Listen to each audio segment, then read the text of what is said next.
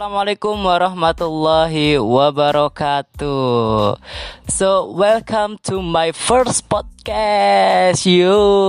Oke okay, guys, jadi ini podcast pertama gue dan gue kayak seneng banget gitu. Akhirnya untuk pertama kali gue punya podcast. Yo. Oke. Okay. Jadi karena ini konten pertama, podcast pertama, jadi karena ini awal nih gue bakalan dulu aja ya. Jadi perkenalan gue siapa sih sebenarnya dan buat apa sih podcast ini gue buat gitu kan tujuan-tujuannya. Nah terus ini nanti konten podcastnya gimana? Nah, nanti gue bakal jelasin semua. Terus nanti gue bakal ngejelasin gimana sih apa sih podcast ini ya. Oke jadi sebenarnya gue gue sendiri nih seorang santri jadi podcast ini ya, podcast ini namanya About Santri.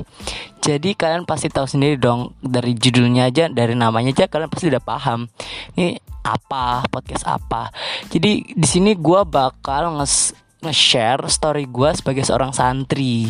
Nah, di sini gue nih seorang santri di salah satu pondok pesantren terbesar di Indonesia yang ada di Pacet Mojokerto. Jadi gue mondok di uh, madrasah bertaraf internasional Amanatul Ummah Pacet Mojokerto guys. Nah, kan bisa tuh lihat di sana tuh. Keren-keren banget dah. Pak Jokowi juga sering lah main ke sana, apalagi Bu Khofifa. Keren guys. Bu Khofifa Gubernur Jawa Timur. Pokoknya pondoknya itu gede banget ya. Punyanya uh, Romo Kiai Asep Nah, keren. Nah, jadi gue santri di sana. Nah, dan gue di sini pengen nge-share kehidupan santri yang ada sesungguhnya. Nah, tujuan gue bikin podcast ini yang pasti pertama nih ya guys. Pertama nih, gue pengen sebagai syiar Islam, sebagai untuk uh, media syiar Islam ya, syiar Islam karena kayak gue mikir aja gitu dong, kayak gue santri dan pastinya seorang santri tuh harus berbuat harus bisa menghasilkan suatu karya yang bermanfaat gitu. Nah gue mikir apa ya? Nah karena fokus kita sebagai seorang muslim terutama ya pastinya itu syiar Islam. Oke lah akhirnya gue nemu nih guys. Ya podcast. Nah podcast ini gue buat syiar Islam tentang santri. Karena banyak di luar sana yang nggak tahu gimana sih kehidupan santri sebenarnya. Nggak tahu seluk beluk santri sebenarnya gimana. Mereka cuma tahu dari ya wawancara-wawancara televisi yang rata-rata minim. Mereka nggak bahas sedetail-detailnya gimana kehidupan santri. Nah di sini gue akan bahas gimana santri itu hidup. Maksudnya gimana kehidupan seorang santri secara real secara nyata karena gue seorang santri. Di situlah. Karena seorang santri itu sebagai uh, apa figur ya. Figur yang pasti berhubungan dengan Islam. Karena seorang pas santri pasti berhubungan dengan pondok pesantren. Seorang pondok pesantren sebuah pondok pesantren pasti itu relate banget sama yang namanya Islam. Nah jadi di sini gue bakalan ngebahas kehidupan santri nih guys. Jadi santri itu yang bisa kita bisa berkaca dari sana Islam dari sana. Kerennya santri gimana? Akhlaknya santri gimana? Seorang santri tuh di sana gitu. Nah jadi gue pengen nge-share banget yang namanya itu guys. Nah jadi itu tujuan pertama gue. Jadi biar orang-orang tuh paham gimana sih Islam dari sisi santri? Gimana sih akhlaknya Islam dari sisi santri? Gimana sih semua itu tentang Islam itu dari seorang santri gitu guys jadi itu uh, tujuan pertama gue sih. Selain itu yang kedua itu gue pengen itu tadi nge-share kehidupan santri yang banyak orang yang nggak tahu lah. Gimana sebenarnya kehidupan santri? Gimana mereka di santri nyantri itu gimana? Di pondok gimana? Tidurnya gimana? Mereka belajarnya gimana? Banyak orang yang masih belum tahu. Mereka rata-rata cuma tahu bahwa seorang santri itu seorang pelajar yang di sana mereka itu tinggal di asrama terus diajar oleh kiai oleh ustadz agama gitu. Padahal uh, kehidupan santri itu more than that lebih dari itu. Dan mereka tuh lebih dari seorang santri sebenarnya. Jadi kayak seorang santri yang mereka pikirkan itu sebenarnya salah. Mereka tuh lebih dari santri bukan seorang santri biasa. Nah gini di sini gue pengen nge-share itu semua. Tentang kehidupan santri tentang prestasi santri tentang semua seluk beluk santri deh pokoknya. Nah yang lebih tiga nih mengenal lebih dekat kehidupan santri. Jadi biar kita itu lebih tahu santri itu gimana. Biar masyarakat itu tahu gimana sih santri itu. Bahkan bisa jadi nanti anak-anak mereka itu uh, bakal dipondokkan di pesantren gitu. Karena tahu bagaimana seluk beluknya santri gitu. Jadi kayak gitu. Oke.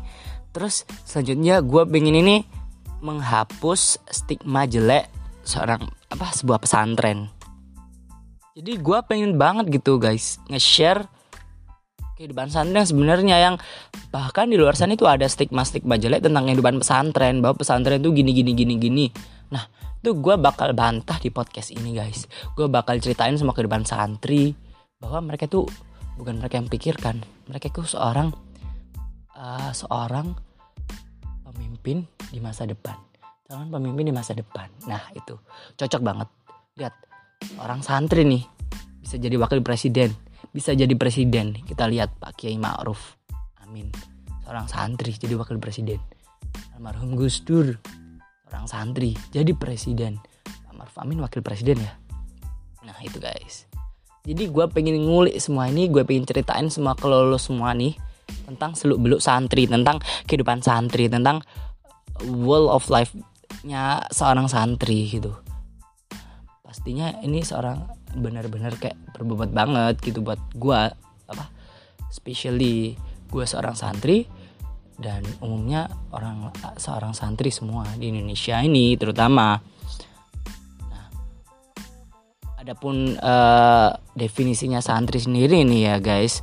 Kalau kita ngomong uh, bahasa apa ya? Bahasa bahasa guyonan deh.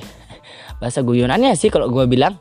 Karena kayak ya emang pasti bahasa guyonannya dari santri itu kepanjangannya itu sabar mengantri. Gimana gak ngantri coba?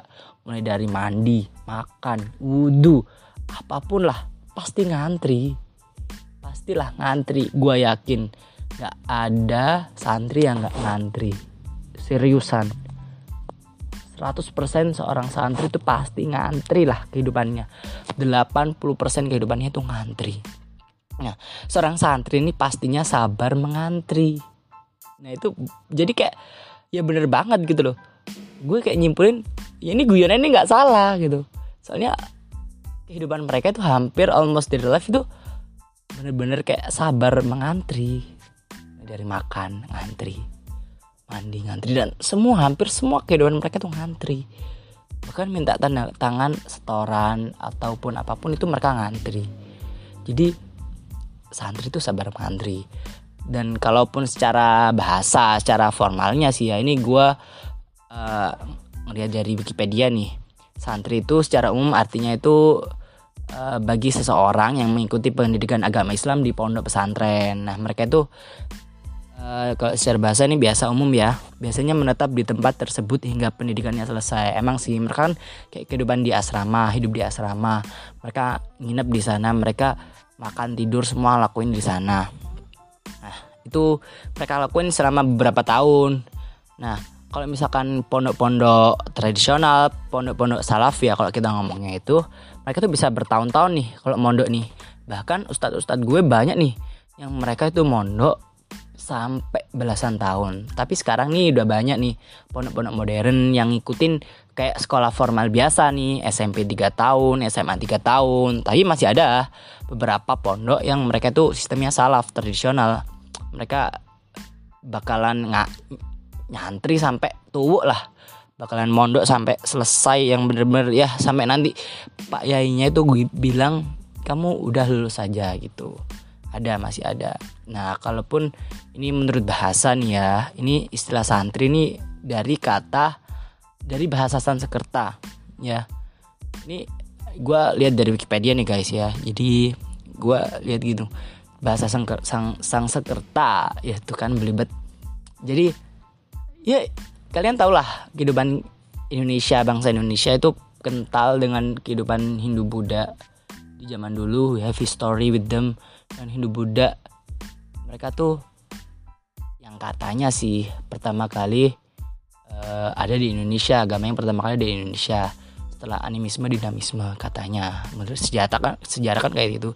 Jadi kayak ya udah kental banget lah kehidupan Indonesia. Banyak banget juga eh, kata-kata ataupun budaya-budaya yang bawa dari kehidupan Hindu Buddha itu. Nah jadi nggak nggak salah lah kalau kita dengar sastri ini dari sas, santri ini dari bahasa Sanskerta awalnya yaitu sastri. Bahasa Sanskerta sih kesenian yang dipakai pada saat ini zaman Hindu Buddha dulu di kitab-kitabnya kitab Sutasoma kitab apa apalah yang gua nggak seberapa paham apa itu. Asal katanya dari sastri. Yang di sini nih artinya itu uh, yang sama dengan akar kata dari yang sama dengan kata sastra yang berarti kitab suci agama dan pengetahuan Nah, ada juga yang bilang bahwa santri ini dari kata-kata cantrik yang berarti artinya itu pembantu begawan atau resi.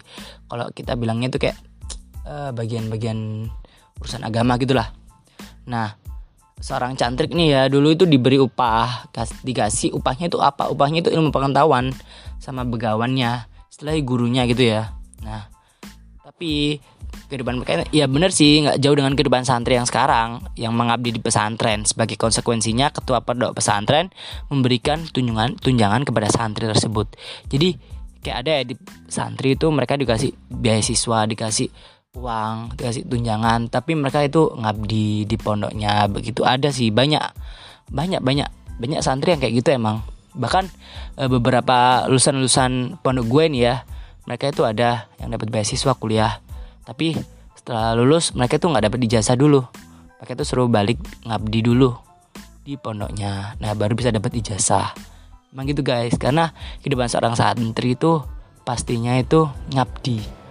Mengabdi yang pasti kan kepada Allah. Kemudian ngabdi kepada pondoknya kepada kiainya kepada ustadz ustadznya kepada ustadzahnya gitu. Karena mereka uh, karena prinsip, prinsip santri itu berkah ilmu itu lebih tinggi daripada ilmunya sendiri sendiri jadi keberkahan ilmu lebih tinggi daripada daripada ilmunya sendiri. Nah, keberkahan itu didapat kalau kita mau ngabdi sama kiai, mau ngabdi sama guru-guru kita. Gitu, guys. Nah, jadi kerennya santri tuh gini.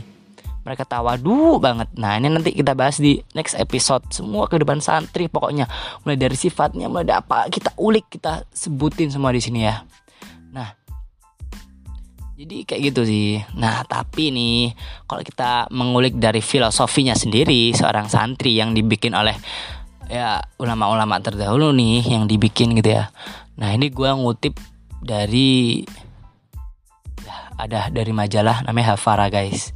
Hafara ini majalah pondok gue. Jangan lupa nanti kalian cek ya Hafara. A V A R A. Udah cek deh. Kalian cari di IG bisa. Nah nanti kalau udah nemu sekalian nanti ngelihat ada majalahnya bisa dibeli deh. Nah ini kalau gue uh, ngelihat dari Hafara nih ya guys. Santri ini kalau ditulis Arab itu huruf sin nun ta ro dan ya.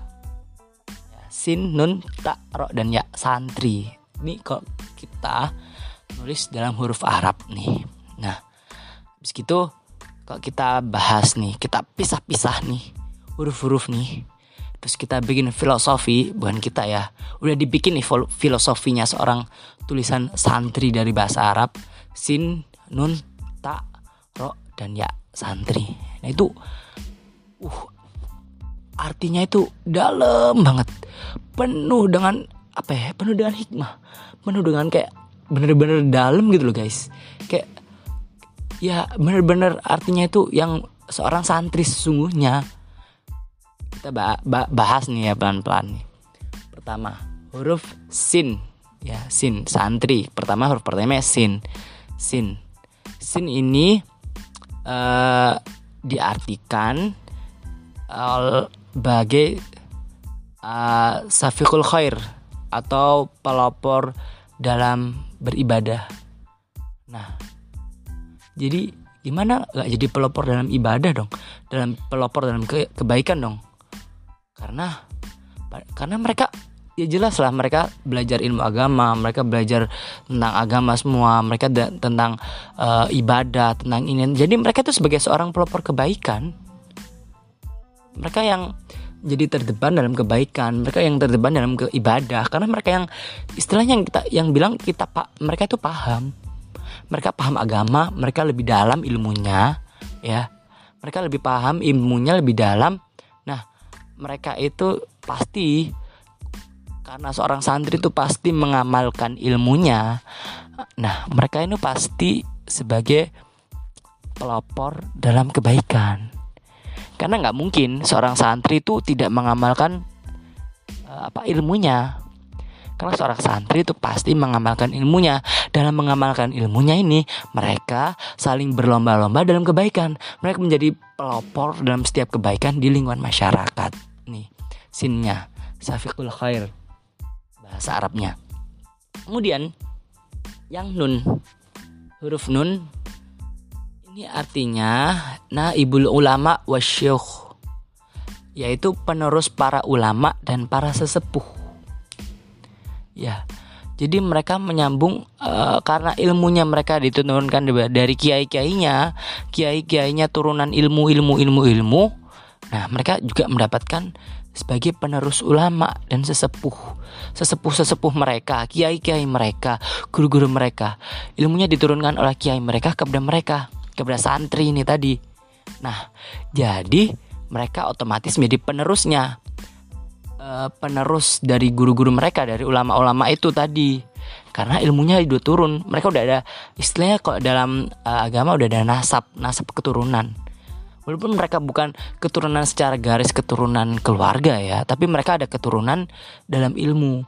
Nah ini yang di dalam Islam bisa kayak nyambung gitu guys. Bahkan kalau misalkan gurunya ini nyambung nyambung ke atas uh, ilmunya ng apa ngajinya belajarnya itu bahkan bisa sampai ke Rasulullah. Nah, mereka ini sebagai penerus ulama, ulama dan sesepuh. Nah, nah ini nih yang tak, yang ketiga huruf tak. Ini yang pasti banget seorang santri, yang pasti digembar-gemborkan seorang santri itu tarkul ma'ashi. Tarkul meninggalkan ma'asi maksiat. Nah, ya seorang santri sejati pasti meninggalkan maksiat. Mulai dari maksiat mata, maksiat telinga, maksiat mulut, semua maksiat. Apalagi nih ya santri putra putra atau santri putri yang lirik-lirikan tuh ya. Hmm nggak boleh. Jadi seorang santri itu pasti tarkul ma'ashi meninggalkan maksiat. Bahkan ini menjadi salah satu kunci sukses seorang santri. Mereka menjadi tarkul ma'ashi. Mereka harus meninggalkan maksiat karena maksiat itu bisa menutup pintu-pintu doa kita. Maksiat itu bisa menutup pintu-pintu keberhasilan kita. Karena Allah nggak ridho gitu. Seorang santri kalau udah maksiat itu Allah nggak ridho. Ya seorang santri itu pasti meninggalkan maksiat. Karena seorang santri itu harus bersih kalau mau sukses. Kalau mereka mau mendapatkan kesuksesan bersih. Itu seorang santri itu pasti meninggalkan maksiat. Karena kalau dia maksiat ya nggak bisa. Nggak bisa gitu loh. Mendapatkan keberhasilan gitu loh. Yang mutlak keberhasilan mutlak tuh nggak bisa. Mereka harus meninggalkan maksiat. Nah ini. Tak huruf taknya. Sin nun tak sekarang kita huruf ke ro ragibu fil khairat wa taala. Nah mereka senang. Ragib senang. Senang kepada kebaikan dan ridha Allah. Mereka itu mencari ridha Allah. Mereka senang berbuat kebaikan. Seperti yang gue bilang awal tadi mereka itu sebagai pelopor kebaikan. Mereka sebagai berlomba-lomba dalam kebaikan. Nah karena mereka senang dalam kebaikan. Mereka senang melakukan kebaikan. Mereka senang mengharapkan ridho Allah. Ini guys yang penting guys. Seorang santri itu tujuan akhirnya pasti ridho Allah. Mereka nggak ada tujuan lain selain mendapatkan ridho Allah. Itu sebuah kayak udah bener-bener nikmat banget gitu. Kok seorang santri udah dapat ridho Allah gitu. Kayak semua itu lancar gitu. Kayak nggak ada macet kayak Jakarta itu udah nggak ada gitu. Lancar semua gitu. Lurus jalan tol gitu dah mau sukses gampang. Mau gini gampang. Minta ini gampang. Minta itu gampang. Bener. Uh udah jalurnya lurus mulus gitu. Yang susah guys. Nah, susah banget gitu.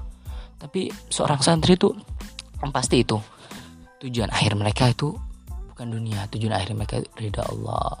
Nah terus huruf terakhir yang ya. Kulu qalilan wal yakin. Nah, mereka tuh makan sedikit dan berkeyakinan. Pasti kalian sering sering dengar sih guys kata-kata kayak tirakat-tirakat gitu kan. Nah, tirakat-tirakat itu salah satu bentuknya makan sedikit nih guys. Taklilul gida, makan sedikit. Jadi mereka itu karena kalau makan banyak itu bisa menghambat menghambat kecerdasan, menghambat menghambat ini itu gitu. Bahkan banyak ulama-ulama terdahulu tuh mereka tirakatnya itu puasa 40 hari, puasa berapa hari, puasa berminggu-minggu, berbulan-bulan. Nah, itu karena puasa atau nggak makan itu bisa mening kalau kita berdoa tuh dikabulin sama Allah gitu kan. Nah, jadi kayak mau minta apa-apa aja ya gampang gitu karena tirakat tuh kayak kita udah nggak ngurus bukan nggak ngurus sih ya tapi kayak lebih kita udah kayak udah deh udah deh kita gue ninggalin dunia aja lah buat apa sih nah, kita tirakat ada yang diem diri lah ada yang nggak makan berapa hari ada yang cuma banyak tirakat tirakat para ulama itu. Tapi yang paling ringan nih yang dilakukan para uh, santri-santri itu mereka makannya sedikit. Ya salah satu tirakatnya itu taklilul gida atau ya kulu kualilan mereka tuh makannya sedikit dah beneran. Ya itu. Nah tirakat sendiri oh nanti aja deh gue bahas di next episode apa itu tirakat oke? Okay? uh, ya kulu kolilan wal yakin yakin mereka tuh yakin. Mereka yakin akan keberhasilan mereka. Karena mereka dijamin oleh Allah. Beneran banget sih. Mereka tuh bakalan dijamin keberhasilan mereka. Saking yakinnya mereka tuh udah kayak nggak ngurus apa-apa gitu guys. Ya gue mau gini lah mau gini. Pokoknya ya, gue yakin ya udah gue jalanin aja. Walaupun gue tahu terus resikonya gede gitu. Ya kayak gue masa bodoh bodoh amat gitu. I don't care gitu ya udah pokoknya gue yakin ya gue jalanin. Tapi emang inilah yang menunjukkan bahwa keberhasilan itu dari keyakinan. Seorang yang nggak yakin tuh mereka langkahnya tuh nggak pasti. Bahkan dalam bercita-cita pun mereka nggak bisa bercita-cita tinggi. Ya nggak? Setuju nggak sama gue karena orang yang nggak yang nggak yakin dia nggak bakalan bakal nggak bakalan melangkah maju. Bahkan sebelum melangkah bahkan dalam bercita-cita ketika mereka mereka nggak yakin mereka nggak bisa. Mau melangkah dari mana coba? Memulai dari mana coba orang gue aja nggak yakin. Cita-cita gue apa? Gue nggak tahu. Gue nggak yakin mau cita-cita. Mencita-cita gede gue juga nggak yakin. Apalagi dalam berjalan dalam melangkah keberhasilan nggak bisa gitu. Paling nggak itu yakin dulu. Kalau mau sukses, sukses nih mau berhasil nih paling itu yakin dulu. Yakin. Yakin. Yakin kita bisa melakukan ini dengan bantuan Tuhan dengan bantuan Allah Subhanahu Wa Taala dengan bantuan Tuhan gitu karena gimana pun emang manusia berusaha. Tuhan yang menentukan. Tuhan yang memberikan hasilnya. Tetapi dengan keyakinan ini ya Tuhan juga yakin dong. Oh tuh hamba gue nih yakin. Hamba gue nih yakin sama gue ya udah gue juga yakin memberikan kepercayaan ke, ke hamba hambaku. Kenapa Tuhan nggak yakin nggak misalkan hambanya yakin? Kalau Tuhan bakalan yakin yakinin ham, yakin ke hamba seorang hamba kalau hamba itu yakin ke Tuhannya. Karena kayak ya Tuhan itu udah dikasih keyakinan sama hamba kita masa Tuhan itu ngecewain hambanya? Nggak mungkin dong. Mungkin Tuhan Allah itu ngecewain hambanya.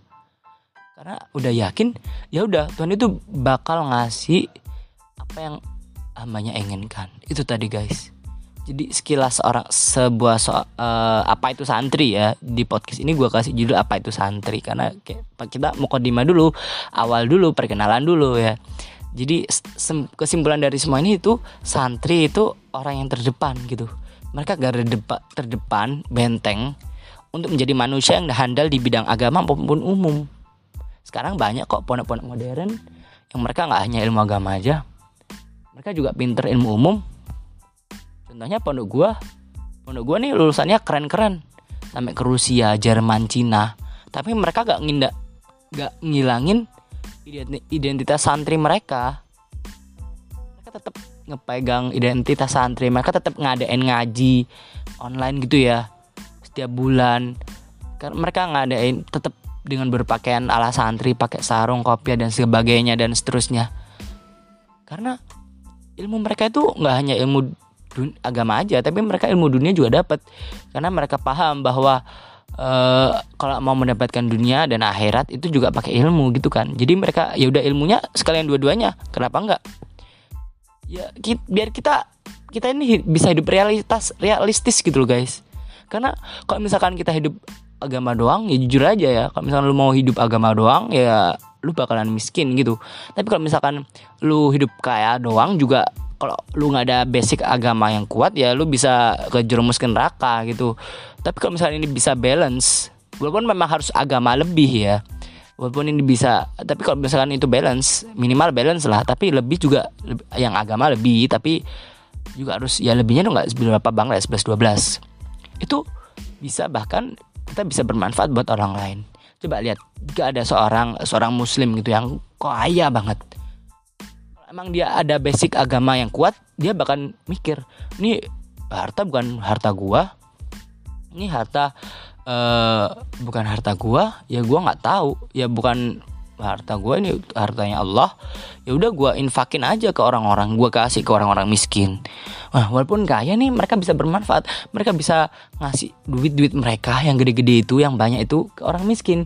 Jadi orang miskin itu bisa tercukupi gitu loh guys. Kalau misalkan semua orang yang agamanya basicnya agamanya kuat tapi mereka nggak ada uang. Gimana dong? Jadinya miskin semua gitu. Jadi seorang santri ini memang dididik mereka harus bisa di bidang dunia dan akhirat. Itu guys. Mereka sebagai garda terdepan sebagai benteng yang handal di bidang agama maupun umum.